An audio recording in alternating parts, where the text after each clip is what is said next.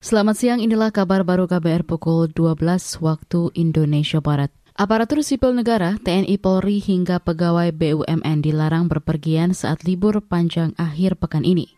Aturan tersebut tertuang dalam pokok-pokok kebijakan pemberlakuan pembatasan kegiatan masyarakat atau PPKM skala mikro.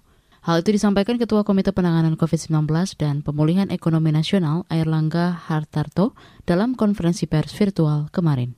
Kemudian pelarangan keluar kota khusus bagi ASN, prajurit TNI, anggota Polri, pegawai BUMN selama masa liburan panjang ataupun long weekend yang terkait dengan uh, kegiatan Imlek nanti. Airlangga Hartarto yang juga Menteri Koordinator Perekonomian menyebut PPKM skala mikro dimulai hari ini 9 Februari hingga 22 Februari mendatang untuk menekan penularan COVID-19 tes PCR dan tes usap antigen tetap diberlakukan sebagai syarat bepergian. Pemerintah juga masih melarang warga negara asing masuk ke Indonesia selama PPKM Mikro.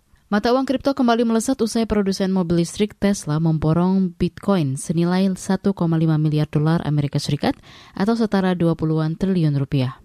Mengutip antara news, Bitcoin naik 2,5 persen pada selasa pagi hingga menyentuh 47 ribuan dolar, setara lebih dari 650 juta rupiah yang merupakan rekor tertinggi. Hal yang sama juga dialami Ethereum dan mata uang digital lainnya. Aksi borong Bitcoin yang dilakukan pemilik Tesla Elon Musk memicu perdagangan besar-besaran dalam mata uang kripto dan menyebabkan bursa seperti Coinbase mengalami masalah teknis. Enam anggota Polresta Balikpapan, Kalimantan Timur dibebas tugaskan karena diduga melakukan kekerasan yang menyebabkan tahanan bernama Herman meninggal dunia pada Desember 2020 lalu. Juri bicara Polda Kalimantan Timur Ade Yaya Suryana mengatakan mereka saat ini tengah diperiksa dan akan segera disidang. Jika terbukti melanggar kode etik, maka bisa diberhentikan dengan tidak hormat.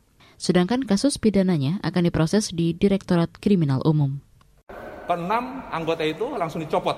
Ya jadi sekarang dibebas tugaskan dari jabatannya. Dan sekarang sedang menjalani proses uh, pemeriksaan oleh Propam Polri dalam hal ini Polda Kaltim. Uh, dan tentu ya kami juga berbela sukawa ya Polda Kaltim Polri berbela sukawa terhadap keluarga korban atas kejadian ini. Itu tadi juri bicara Polda Kalimantan Timur Ade Yaya Suryana Kasus ini berawal ketika Herman yang saat itu berstatus tersangka pencurian dijemput tiga orang tak dikenal pada 2 Desember 2020. Namun esoknya pihak keluarga mendapat kabar Herman meninggal dunia dengan tubuh penuh luka. Demikian kabar baru KBR, saya Naomi Liandra.